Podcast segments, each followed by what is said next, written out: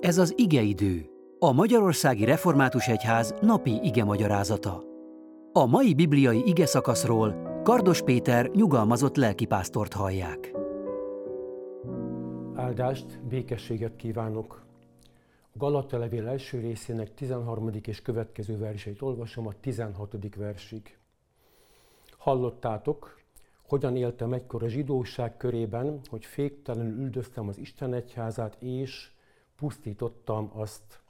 És a zsidó hithűségben sok kortársamat felülmúltam népem körében, mint hogy fölötti buzgó rajongója voltam atyáim hagyományainak. De amikor úgy tetszett annak, aki engem anyám méhétől fogva kiválasztott és kegyelme által elhívott, hogy kinyilatkoztassa fiát én bennem, hogy hirdessem őt a népek között, nem tanácskoztam testtel és vérrel. Álmokfutás, pálfordulás, veszőfutás. Három igen gazdag jelentésű magyar szó. Ezek kiválóan leírják Pál felnőtt életének szakaszait. Álmokfutás. Hitű farizeusként Saul a kötelességének tekintette, hogy népét, megtisztítsa Jézusi tanításoktól, és minél többeket visszavezessen a helyesnek hit útra, a mózesi törvényekhez, akár erőszakkal. Ott volt István vértanú kivégzésénél, és egyetértett azzal, de idézzük őt magát, Pált. Úgy gondoltam, hogy mindent meg kell tennem a názáreti Jézus neve ellen, meg is tettem ezt Jeruzsálemben, és a főpapoktól kapott felhatalmazás alapján a szentek közül sokat börtönbe vetettem. Amikor pedig halára ítélték őket, én is ellenük szavaztam. Féktelen őrjöngésemben egészen az idegen városokig üldöztem őket. Egyszer éppen ilyen ügyben utaztam a főpapok felhatalmazásával és megbízásából Damaszkuszba. Eddig az idézet. Mint tudjuk, a damaszkuszi úton az Úr Jézus megállította őt. Néhány nap alatt megtörtént a pálfordulás. Pálra ránehezedett az előző évek minden terhe. Gondolkodása teljesen megváltozott. Utolérte a múltja. Alig, hogy megtért, megfordult Pál, megkezdődött a veszőfutása. Már ott Damaszkuszban halára keresték, missziói útjain pedig kiteljesedett ez a veszőfutás. Több esetben bújtatni, vagy éppen menekíteni kellett őt, hogy egyáltalán életben maradjon. Verés, börtön, megkövezés, menekülés az igaztalan rágalmak elől, az erőszak elől, valóságos veszőfutás. De mi volt az oka annak, hogy sokáig üldözte Jézus követőit? Az, hogy a törvényt követte, szinte imádta. Azt vallotta, hogy a mózesi törvények betartása árán lehet üdvözülni.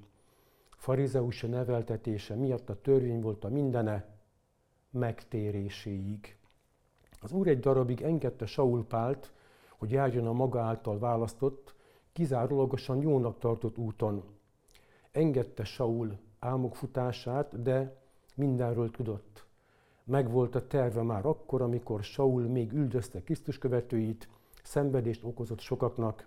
A kellő időben azonban Isten cselekedett. Ez volt a pálfordulása Damaszkuszi úton. Megdöbbent, hogy az utána következő veszőfutásban Pál egyáltalán nem válik vissza korábbi életébe. Nem cserélt volna korábbi önmagával, igaz, akkor köztiszteletben állt, volt hatalma, rangja, elismertsége, bejáratos volt a főpapokhoz, együtt működtek vele a hatóságok. Mégis kárnak és szemétnek ítélte korábbi életszakaszát, amit mi ezzel a szóval jellemeztünk, álmokfutás. Ezzel Pál ítéletet mond korábbi tettei fölött, de nem tagadja meg Izraelita mi voltát. Viszont belátta, megértette, hogy nem a törvény betartása vezet üdvösségre, hanem egyedül a hit. Megértette és megvallotta, hogy jobb Jézussal akár nélkülözni, menekülni, mint Jézus nélkül érni, élni bárhogyan is. Amikor az Efezusi vénektől búcsúzik Milétoszban, a harmadik misszió útja végén Pál előre vetíti szenvedése újabb állomásait. Mégsem hátrál meg. Krisztust követni, az ő útján járni, vele élni, mindennél többet ér, minden áldozatot megér. A világ számos helyén ma is tiltják, üldözik a kereszténységet. Mégis jó reménységgel lehetünk, mert a világ urai mennek, ami úrunk jön. Bennünket most nem üldöznek, kényelmes életet élhetünk, de más nehézségek itt is fölbukkanhatnak. Van-e ma bármi, ami bennünket akadályozna Jézus követésében? Ki vagy mi akar minket eltéríteni az Úr Jézus útjáról? Egyáltalán ráléptél már erre az útra, az élet útjára, kedves testvérem? Megértetted-e már azt a kinyilatkoztatást, amit Pál átélt, és ami azóta is oly sok ember életét megváltoztatta, megfordította jó irányba, az egyetlen helyes irányba. Érdemes erre az útra rálépni, és ezen megmaradni. Amen.